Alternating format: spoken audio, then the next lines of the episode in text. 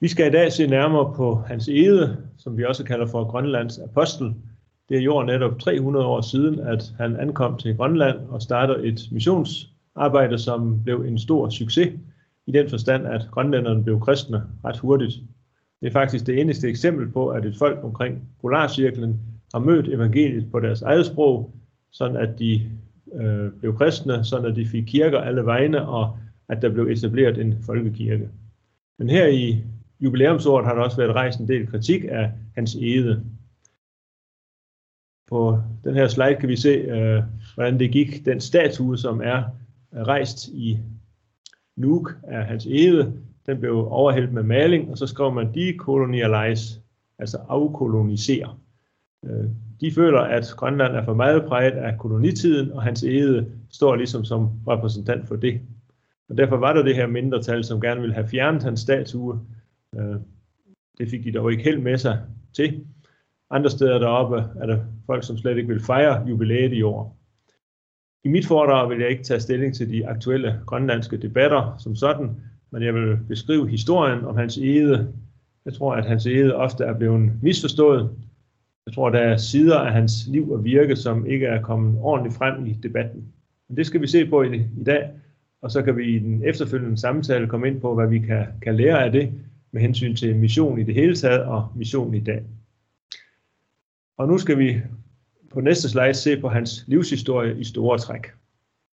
Øh, så begyndte han at høre om Grønland og læse om Grønland og dets historie, og så voksede et kald frem i ham til at forkynde evangeliet i Grønland. Missionstanken øh, var øh, på på det her tidspunkt ved at vokse frem i, i Danmark-Norge.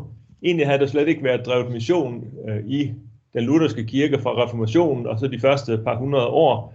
Men her efter 1700, der vokser missionstanken frem, og den dansk-norske konge har sendt missionærer til sin koloni i Trankebar i Indien, og nogle år senere begynder han også at sende missionærer til Lapperne i Nord-Norge. Det var et af de sidste ikke-kristne folkeslag i Europa. Og så er det, hans ede tænker, hvorfor ikke også forkynde på Grønland? Og kongen i København støtter tanken via sit særlige ministerielle kontor for mission, som man havde dengang. Man kalder det missionskollegiet. Og det, dette missionskollegium støtter hans edes øh, projekt. Uh, I Bergen, der går hans ede rundt til rige købmænd uh, for at rejse kapital til projektet. Og disse købmænd så visse muligheder i at få øh, mere mission og også mere handel i Grønland. Så med støtte fra kongens øh, kollegium og fra købmændene, så ender det med, at hans æde kan købe et skib og sejle afsted til Grønland i foråret 1721. Og deroppe var han så i 15 år under meget store vanskeligheder. Derefter flytter han til København for at kunne arbejde videre for sagen. Og han bliver biskop over Grønland og arbejder på mange måder for, sin, for sit missionskald, lige indtil han dør i 1758. Og så kørte hans børn det i øvrigt videre. Ja. Øh, Hans Ede lever i enevældens tid. Konkret, Frederik den 4. af Danmark-Norge var, var enevældig. Det betød, at han også havde øh, eneret over kirkens forhold. Han kunne simpelthen gøre, hvad han ville i henseende til kirken, dog med en undtagelse. Øh, han kunne ikke ændre landets evangelisk-lutherske præg. Alle skulle være lutheranere i Danmark-Norge på det her tidspunkt. Man kan sige, at det var en statskirke. Egentlig var det egentlig mere en kongelig kirke. Så hvis kongen ville drive mission, så kunne han gøre det. Også selvom der var nogle af de danske teologer, som var imod det, og ikke syntes, der var nogen grund til at drive mission. Og når Frederik den 4. ville drive mission, så skyldes det indflydelse fra en ny vækkelsesbevægelse, der var kommet ind fra Tyskland, pietismen. Derfra, Derfra har Frederik fået... fået øh, der er lige en, der skal slukke mikrofonen. Ja. Øh, det var fra den tyske pietisme, at Frederik den 4. havde fået øh, nogle missionærer, man kunne sende til Indien, og øh, det var også dernede, han havde fået ideen til den her øh, officielle øh, missionsafdeling i ministeriet. Og øh, så det er lidt interessant at tænke, at, at øh, Danmark havde et officielt statsligt kontor for ydre mission fra 1714 og så frem til 1859, altså også en tid efter grundloven, så drev den danske stat faktisk ydermissionsarbejde. Øh, og, øh, og da det så holdt i 1859, ja, så sker det det i de følgende 10 år, at Foreningen for Indre Mission og Foreningen Luthers Missionsforening blev stiftet som frivillige missionsforeninger, da den statslige mission var stoppet. Men det er jo en helt anden historie. Nu går vi videre til øh, situationen i Grønland omkring 1700. Øh, det var et gammelt norsk land. Omkring år 1000 var Erik den Røde kommet til Grønland med sin kristne kone, og så blev der bygget en kirke til hende deroppe, og sidenhen så blev hele Grønland kristnet, og var et kristent norsk land igennem middelalderen. Der var mange kirker og klostre og præster, øh, men efterhånden så døde forbindelsen til Grønland ud, og åbenbart så døde nordboerne deroppe også på et tidspunkt. Man ved faktisk ikke øh, helt hvorfor.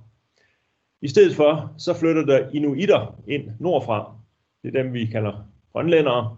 Og efterhånden så var det dem, der boede på vestkysten. Sådan var situationen omkring 1700, og det vidste Hans Ede øh, udmærket, fordi fra Bergen, der gik det hele tiden øh, både til Grønland for at fange valer og for at handle. Øh, I endnu højere grad øh, var der aktivitet fra Holland til Grønland.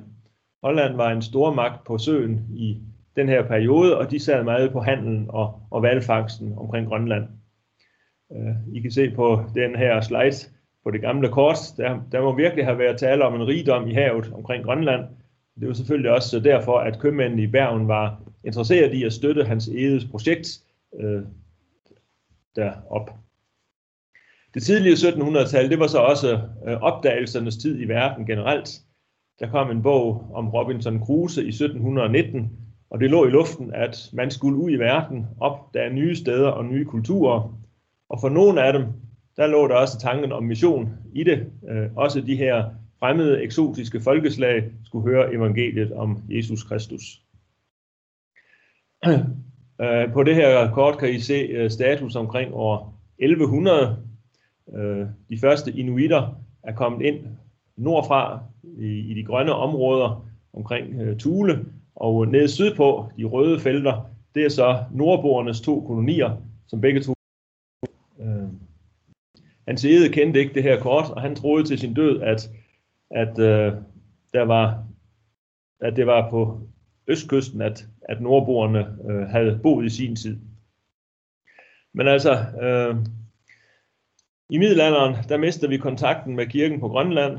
Øh, det var dengang en katolsk kirke, ligesom herhjemme, og så var der ingen kontakt i meget lang tid.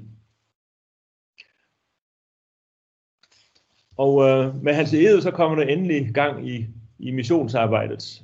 Det var nu svært for Hans Ede at komme i gang. Han havde sit indre kald, øh, men hans familie, hans kone, fandt det helt i skoven og forlade Norge for at drage til et ukendt land som missionær. Det tog en del år for ham at overbevise folk om det. Da først hans kone, Gertrud Rask, var blevet overbevist, så var hun så til gengæld en uvurderlig støtte i hans arbejde. Hun var ofte mere øh, standhaftig, end han selv var. En anden vanskelighed ved projektet, det var, at vi var midt i den store nordiske krig, som var til 1720, og som tog selvfølgelig opmærksomheden og kræfterne øh, ved hoffet. Så det var først, da denne krig var overstået, at det blev tid til at tænke på hans edes projekt. Så blev der oprettet et handelskompani. Det var ikke, øh, fordi hans Ede ønskede at handle og tjene penge, men det var simpelthen den eneste mulige måde, hvorpå han kunne skaffe penge til rejsen derop og komme i gang med missionsarbejdet. Den her tanke om, om handel og, og dan et kompani, det var guldråden for købmanden i Bergen. Kongens interesse var lidt af det samme. Desuden så havde kongen jo det øh, med sig, at, at Grønland i forvejen var en del af hans kongerige, så kongen føler en forpligtelse øh, over for sine undersåtter deroppe. Og så vil kongen i øvrigt også nødig øh, miste Grønland til hollænderne. Øh, Stormagten Holland kunne let have overtaget Grønland dengang. Det er ikke sikkert, at de ville have spurgt pænt, om de måtte købe Grønland, ligesom Trump gjorde. Øh, de ville nok bare have taget det. Så kongen øh, har interesse i hans edes plan og koloniprojektet, og så ansætter kongen hans ede som præst og som leder af en ny kolonisering.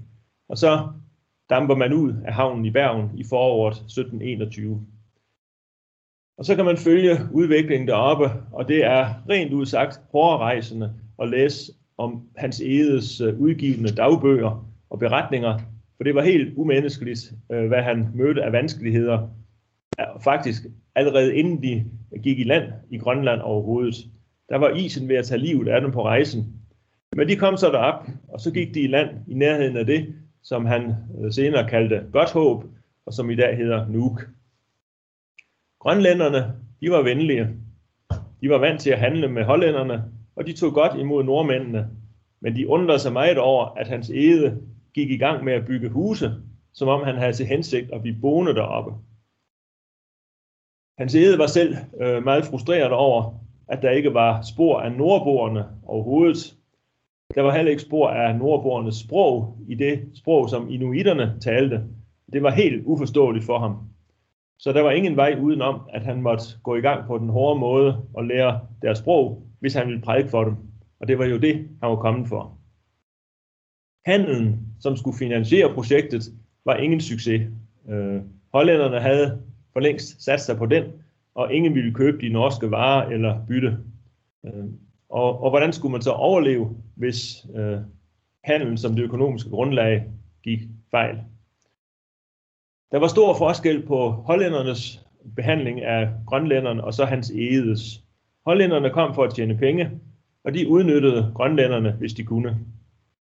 Hans ede derimod, han kom af kærlighed til et fortabt folk, og han slog sig ned iblandt dem med sin familie. Han offrede sit liv for at hjælpe dem åndeligt og også materielt. Og han stillede sig foran grønlænderne, øh, hvis der var fare for overgreb fra de hollandske øh, søfolks side. En gang så skrev grønlænderne faktisk til den danske norske konge efter flere præster, for som de argumenterer, hollænderne taler ikke om andet end spæk. Vi vil høre noget af betydning. Vi vil høre forkyndelse. Tanken med projektet var, at der hvert år skulle sendes et skib hjem fra kolonien, Godthåb til Bergen med skind og spæk osv., og så skulle der til gengæld komme vestlige varer og mad op til kolonien. Og igen er det hårdrejsende at læse hans edes øh, dagbøger og beretninger, fordi nogle af disse skibe øh, forulykkede på vejen. Og hvad skulle man så leve af deroppe? Ville man være nødt til at rejse hjem og opgive det hele? Andre gange var spørgsmålet, vil man simpelthen dø af sult og gå til grunde, ligesom nordboerne i sin tid havde gjort det. Og øh, hvis man sætter sig i hans eget sko, så kan man jo se for sig, hvordan det vil være, at man ikke alene selv sulter, men også må se sin kone og børn øh, sulte dagligt og se øh, sultedøden nærme sig. Hvor grufuldt må det ikke have været. Men altså midt i alle vanskeligheder, så var hans ede straks begyndt at prædike og undervise, og grønlænderne ville gerne lytte. Især når han talte til dem om det evige liv. Han var stor modtagelighed. Hans ede var for eksempel ude for, at en gang han kom til en lokalitet, der kom der 100 både med grønlændere sejlende, fordi alle disse folk gerne ville høre ham prædike. Hans ede havde fået en dobbeltrolle, øh, både som præst og som leder af kolonien. Det var den mulighed, der var. Øh, det var heller ikke så fjernt fra datidens forhold, fordi også øh, i Danmark-Norge var det sådan dengang, at den lokale sovnepræst havde en række administrative funktioner. Samfundets grundlæggende personregistrering blev varetaget af præsten, og det gør den jo sådan set stadigvæk i, i Danmark. Der var store problemer med at drive kolonien. Øh, det gav simpelthen for lidt. Bergen købmændene ville ikke være med længere, og øh, i en kritisk situation, så trådte den danske konge ind og, øh, og gjorde det til en kongelig koloni. Og man opretter det monopol, som hed den kongelige grønlandske handel, som faktisk styrede Grønland i mange, mange år derefter. Så fik man fra Danmark sendt handelsledere op, øh, folk som ikke var specielt interesseret i missionsarbejdet, og som også levede et, et liv, som ikke just var en anbefaling for hans edes og den kristne tro. Men også på trods af de vanskeligheder fortsatte hans ede, og, øh, og der var som sagt stor lydhærhed for evangeliet. De første grønlændere bad om at blive døbt, men hans ede var tilbageholdende. Folk de ville gerne lytte, men han synes, han så for få frugter af deres lytten. Men øh, han begynder alligevel at døbe øh, børn og døende mennesker, og, og mange bliver døbt. Så dør øh, Frederik den 4. i 1730, og øh, i enevældens statsform, der var man jo helt afhængig af, hvad en enevældig konge øh, nu tilfældigvis mente. Så da kongen var død, så var man jo helt afhængig af, hvad den følgende konge ville mene om Grønlandsprojektet. Og øh, den følgende konge hed Christian den 6., og han var en øh, from, pietistisk konge, men han havde også en lavvande i, i statskassen, og så fandt han, at man måtte spare den udgift, som var på Grønland. Øh, han synes også, at der kom for lidt ud af missionsarbejdet, som hans ede havde gjort. Så Christian den 6. og den nye regering kalder hans ede hjem, og øh, hans ede nægter. Han ville blive på Grønland, og han skriver et brev til kongen, et rørende brev om, at der er 150 døbte børn i kolonien nu, og hvis han tager hjem, så vil de ikke blive oplært i troen, og det kan man ikke for sin samvittighed øh, lade ske. Og fordi kongen nu var en, en from mand, øh, så accepterede han Edes argumentation, og arbejdet fortsatte. Og, øh, og det bredte sig også i de følgende år. Hans Ede øh, uddanner unge grønlændere øh, dels i at læse og dels i troen, og når de har forstået det, så sætter han dem til at undervise andre. Disse unge grønlændere, de kunne jo sproget perfekt, øh, og øh, med den politik, så sikrer Hans Ede sig også, at de første grønlændere får en, en boglig uddannelse og stillinger som lærere. I det hele taget så lader Hans Ede øh, rigtig meget vægt på undervisning. Og, øh, og det har han jo så indirekte været med til at løfte det grønlandske folk kulturelt. Og hans egen familie var ham øh, en enestående hjælp. Jeg har nævnt øh, Gertrud Rask, som støtter sin mand øh, utroligt lige indtil hendes kræfter æbbede ud, og hun døde i 1735. Da de var kommet derop, havde de fire mindre børn med sig, og som børn nu engang kan, så lærte Hans Edes og Gertruds børn øh, det grønlandske sprog hurtigt, fordi de legede med de grønlandske børn.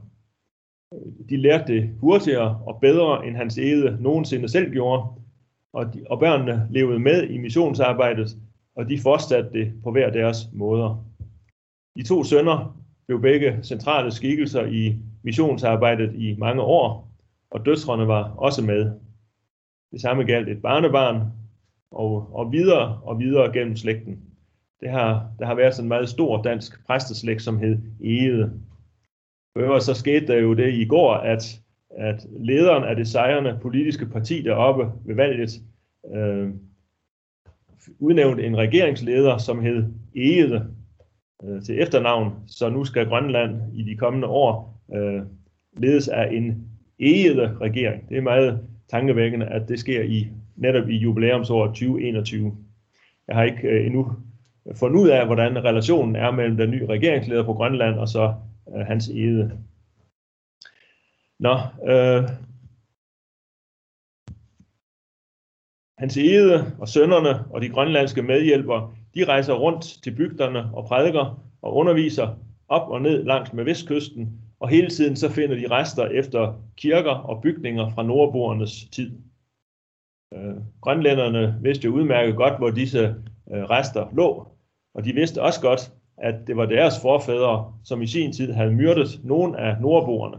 Og derfor var grønlænderne også lidt nervøs for, at øh, den danske konge skulle, skulle hævne, hævne sig. Øh, hans ede forblev i håbet om, at man på østkysten af Grønland kunne finde efterkommere af nordboerne.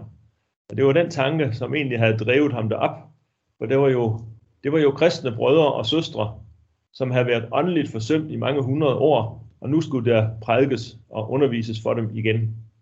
Men han fandt aldrig disse nordboere, fordi han tog fejl. Øh, han byggede på et forkert landkort. Øh, der var ingen nordboere nogensinde på østkysten, for begge de oprindelige kolonier var på vestkysten. Hans Ede kom som en, en fremmed fugl til Grønland, må man sige. Han vandrede omkring øh, i det kolde klima i norsk præstekjole, og han skilte sig virkelig ud. Men grønlænderne elskede ham fra første færd. De havde tillid til ham, og han elskede også dem og havde tillid til dem. Han tog uden videre ind i deres huse øh, og overnattede der, som, øh, som om han var en af dem. Han hjalp dem, og de søgte råd hos ham. Han var som en far for dem, og han følte sig også som sådan. Han følte, at de var børn, der skulle oplæres og opdrages. Han opfatter øh, grønlænderne som norske undersåtter, og øh, som sagt, så skulle alle i Danmark-Norge dengang være øh, lutherske kristne. Der var kun plads til Luthers kristendom i riget. Der var ikke noget religionsfrihed før 1849.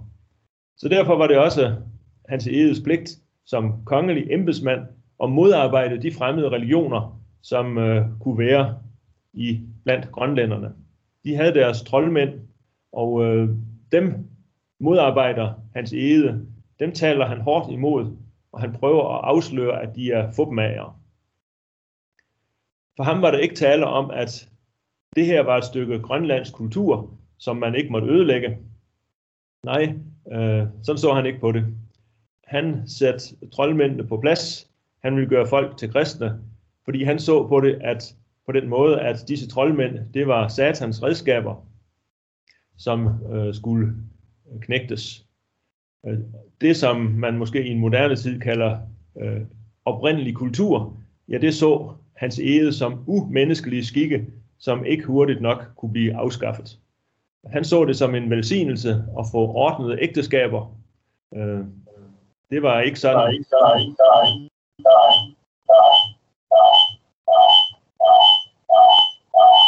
Tove, du skal, du skal slukke mikrofonen.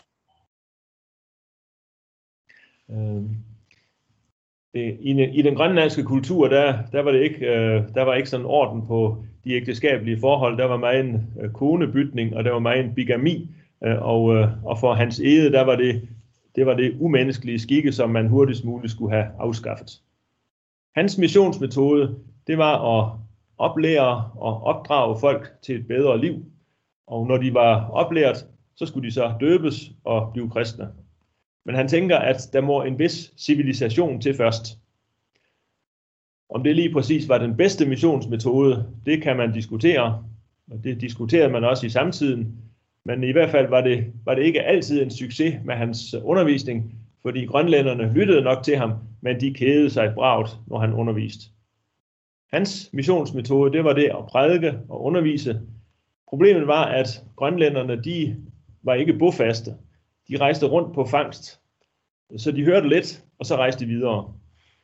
For at få et mere fast menighedsliv i gang, så blev det hans eget mål hurtigt, at der skulle etableres flere kolonier op langs med vestkysten, og så skulle der bygges kirker og andet sættes flere præster, sådan at folk kan møde det kristne budskab øh, alle vegne, hvor de kommer på deres fangstrejser. Det var den model, som han tænkte ud fra, og det var også den model, som på lang sigt blev gennemført på Grønland, fordi øh, man fik Grønland dækket af kirker og præster øh, efterhånden, og så øh, blev efterhånden alle medlemmer af folkekirken. Men det var på lang sigt. På det korte sigt, der blev øh, hans missionsmetode udfordret noget, også fordi man mangler øh, både præster og midler. Og så var der også et konkurrerende missionsarbejde på Grønland, nogen, der tænkte anderledes, og som på kort sigt havde mere succes. Det var den tyske mission, Brødremenighedens mission. Brødremenigheden var en pietist og er en pietistisk bevægelse, som øh, af den danske kong Christian den 6. fik lov til at rejse til Grønland og hjælpe hans ede med missionsarbejdet. Faktisk så havde kongen mere tiltro til disse pietistiske tyskere, end han havde til de danske norske præster. Lederen af brødremenigheden på Grønland, det var en tømrer fra Tjekkiet, Christian David, som var blevet evangelisk kristen, og så flygter han til Tyskland og finder et hjemsted i, i byen Herrnhut, hvor Grev Sinsendorf øh, havde lavet et fællesskab for levende kristendom og for mission. Og øh, missionær var Christian David. Han rejser til København, og der prædiker han og mange mennesker i København blev åndeligt berørt af hans prædiken. Og så rejser Christian David så videre til Grønland med nogle flere missionærer, og de bygger deres egen koloni nogle kilometer uden for Nuuk. Øh, og, øh, og der laver man en missionsstation, som så blev en, en direkte konkurrent til Hans Edes øh, dansk-norske mission. Og her ser vi på billedet øh, Herren Hutternes øh, koloni uden for Nuuk. Og øh, de havde nogle andre missionsmetoder. De bygger den her øh, imponerende koloni, øh, og øh, deres mål er så at få en række grønlændere ind i denne koloni. Så skal de bo der, så skal de have en intensiv påvirkning i retning af kristen tro og kristen liv. Øh, og, øh, og det lykkedes faktisk, så mange grønlændere kom til at bo i kolonien, og her blev de vundet for troen, og også bevare de troen. Så det var en anden missionsmetode end den, som Hans Ede brugte.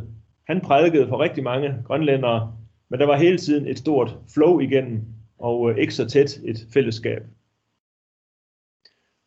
Brødremenigheden, de havde øh, flere økonomiske midler til rådighed, fordi de var sponsoreret af midler hjemmefra. De var ikke afhængige af handel eller af kongelig støtte. De fik støtte fra menighederne hjemme i Tyskland og Holland, de fik bygget det største og flotteste hus i hele Grønland i denne koloni. Og øh, der var orden i tingene i Brødremenighedens tyske koloni. Det var en fri mission. Øh, til gengæld så må man sige, at de arbejdede så kun i Nuuk. Øh, den ene koloni, ja, senere kom der et par små kolonier mere, mens resten af Grønland altså var overladt til arbejdet i den dansk-norske mission under hans ede. Men brødremenighedens arbejde bar rig frugt. Der blev vundet mange grønlændere for levende tro hos herrenhutterne, og, og der blev en, en stærk kristen koloni øh, her uden for, uden for Godthåb. Faktisk så var tyskernes koloni i en periode større end, end uh, selve Godthåb. Forholdet mellem David og Eget var ikke godt. I starten der kunne de heller ikke forstå hinandens sprog. Øh, da de så lærte det, så fandt de ud af, at der også var teologisk forskel på den Øh, sådan ortodox lutherske Hans Ede, som lægger vægt på Bibel og på lære og undervisning, og så på den meget øh, pietistiske og mere følelsesprægede lægmand Christian David. Og de spændinger mellem de to missioner fortsatte egentlig øh, i nogle generationer på Grønland. Men så kommer krisen øh, samtidig, fordi med præcis det samme skib, som bragte Christian David og herren Hunderne til Grønland, der havde de også pest med ombord. Denne pest, den udrydder det store flertal af de grønlændere, som hans ede havde døbt, og som han havde kontakt med omkring, øh, altså der på vestkysten. De døde simpelthen øh, fra den ene dag til den anden i stort tal. Og i denne forfærdelige periode, der arbejdede Gertrud og hans ede dag og nat for at hjælpe de døende grønlændere. Og øh, til sidst så slipper Gertrud Rasks kræfter op, og hun dør også. Det slår hans ede ud, øh, og øh, han har ellers haft næsten umenneskelige øh, psykiske og fysiske kræfter indtil da, men nu bliver han slået ud og, og kommer ud i en depression på grund af denne sorg og denne overanstrengelse, og han beslutter sig for at rejse hjem. Men snart så kommer hans ede øh, til kræfter igen, denne bumstærke mand, og, øh, og så øh, fastholder han, at han vil rejse hjem, men han rejser nu hjem for at fortsætte missionsarbejdet. Nu er hans søn også blevet præst deroppe og kan fortsætte. Så missionsarbejdet fortsatte også efter, at hans æde var rejst hjem. Øh, og øh, nogen havde jo overlevet pesten, og øh, rejste man længere mod nord og syd, så var der flere folk og missionærer blandt, og det gjorde man så. Hjemme i Danmark, der opsøgte hans ede straks kong Christian den 6. og aflægger beretning om arbejdet, udgiver nogle bøger om sit projekt, og, øh, og får af kongen lov til at begynde at uddanne en ny generation af præster til Grønland. Han bliver leder af denne uddannelse, og han bliver også gjort til biskop over Grønland. Den første biskop, man har haft på Grønland siden de katolske biskopper uddøde i middelalderen. Og så sidder han sæde i København og skriver bøger og lærer bøger på grønlandsk øh, frem til sin død. Så han var øh, tro mod sit kald lige til det sidste. Det kald, som han havde fået som ung præst i Nord-Norge. Og for nu at øh, lige at føre det missionsarbejdet videre og skæbne øh, frem til nutiden, så vil jeg nævne nogle hovedpunkter. Brødremenigheden, herrenhutterne, de fortsatte deres arbejde, fik altså enkelte nye kolonier oprettet, og deres fine hus øh, ses her. Det er i dag en del af Nuuks Universitet, har jeg forstået. I resten af 1700-tallet, der udvider også den danske mission sig længere og længere op og ned langs med kysten. Især op ved Diskobugten, hvor der boede mange grønlændere. Ja, der var der tale om næsten en vækkelse. Øh, der var en vækkelse ved de danske missionærers arbejde.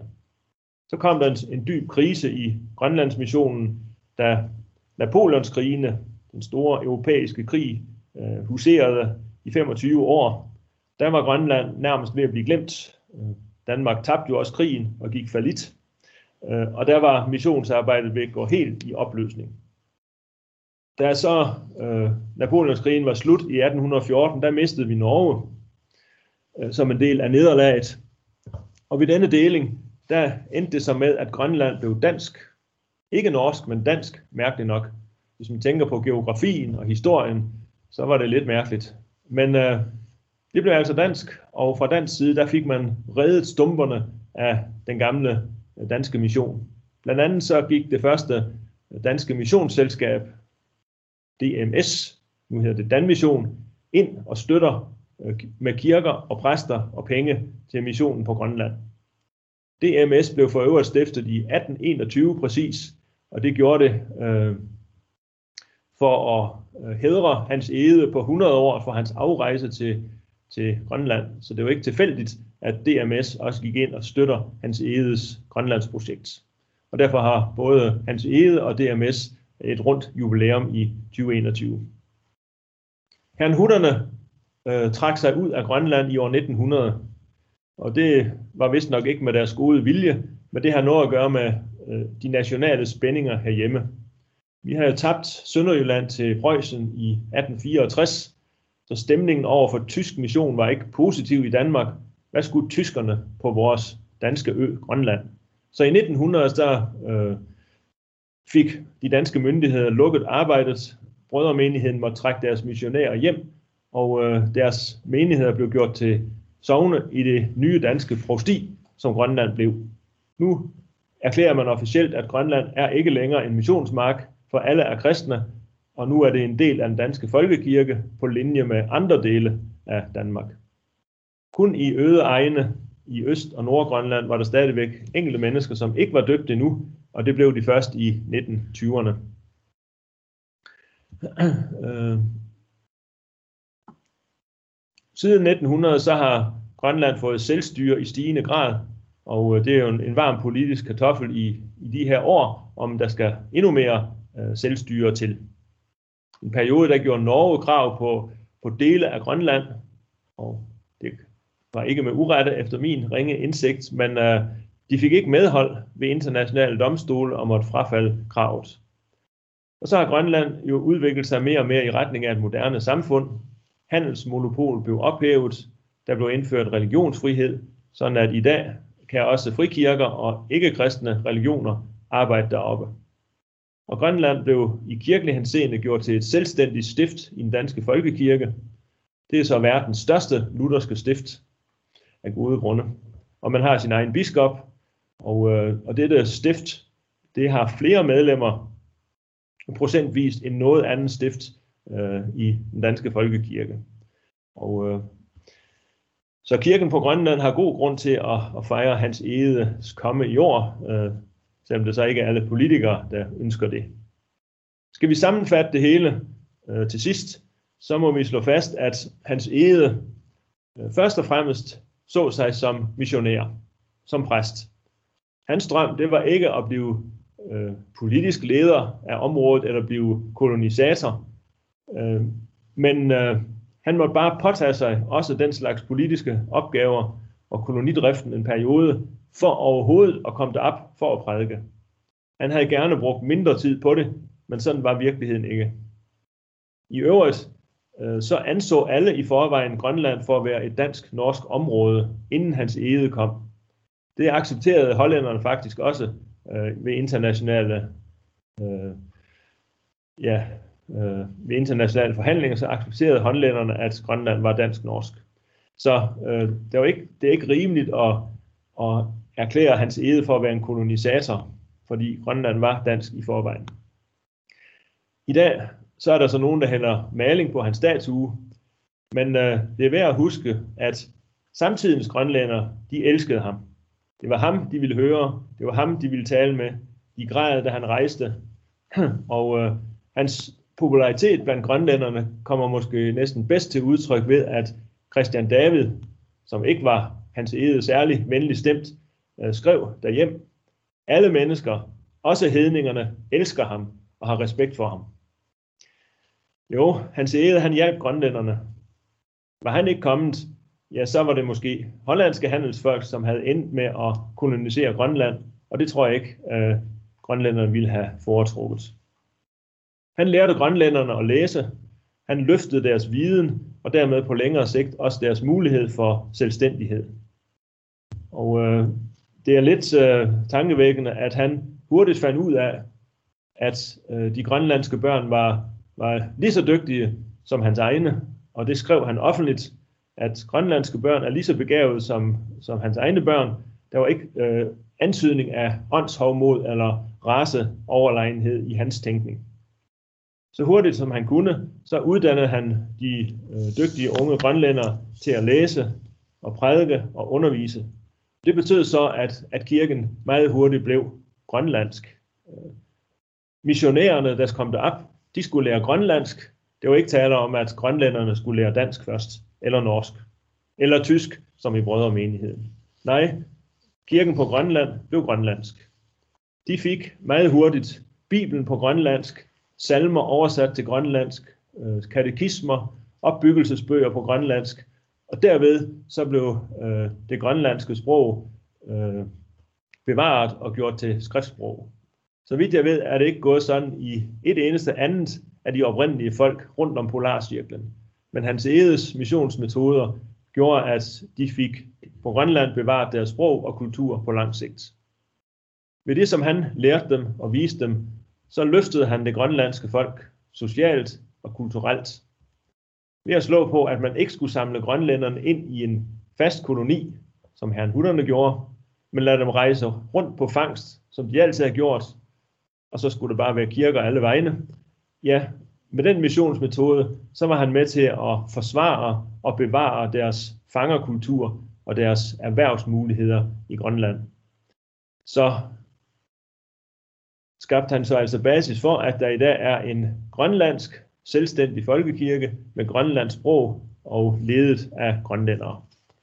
Så, øh, så vidt historien om hans ede og, og hans mission. Og øh, så øh, er min taletid vist ved at være gået, og der er, er tid til øh, samtale om de her ting.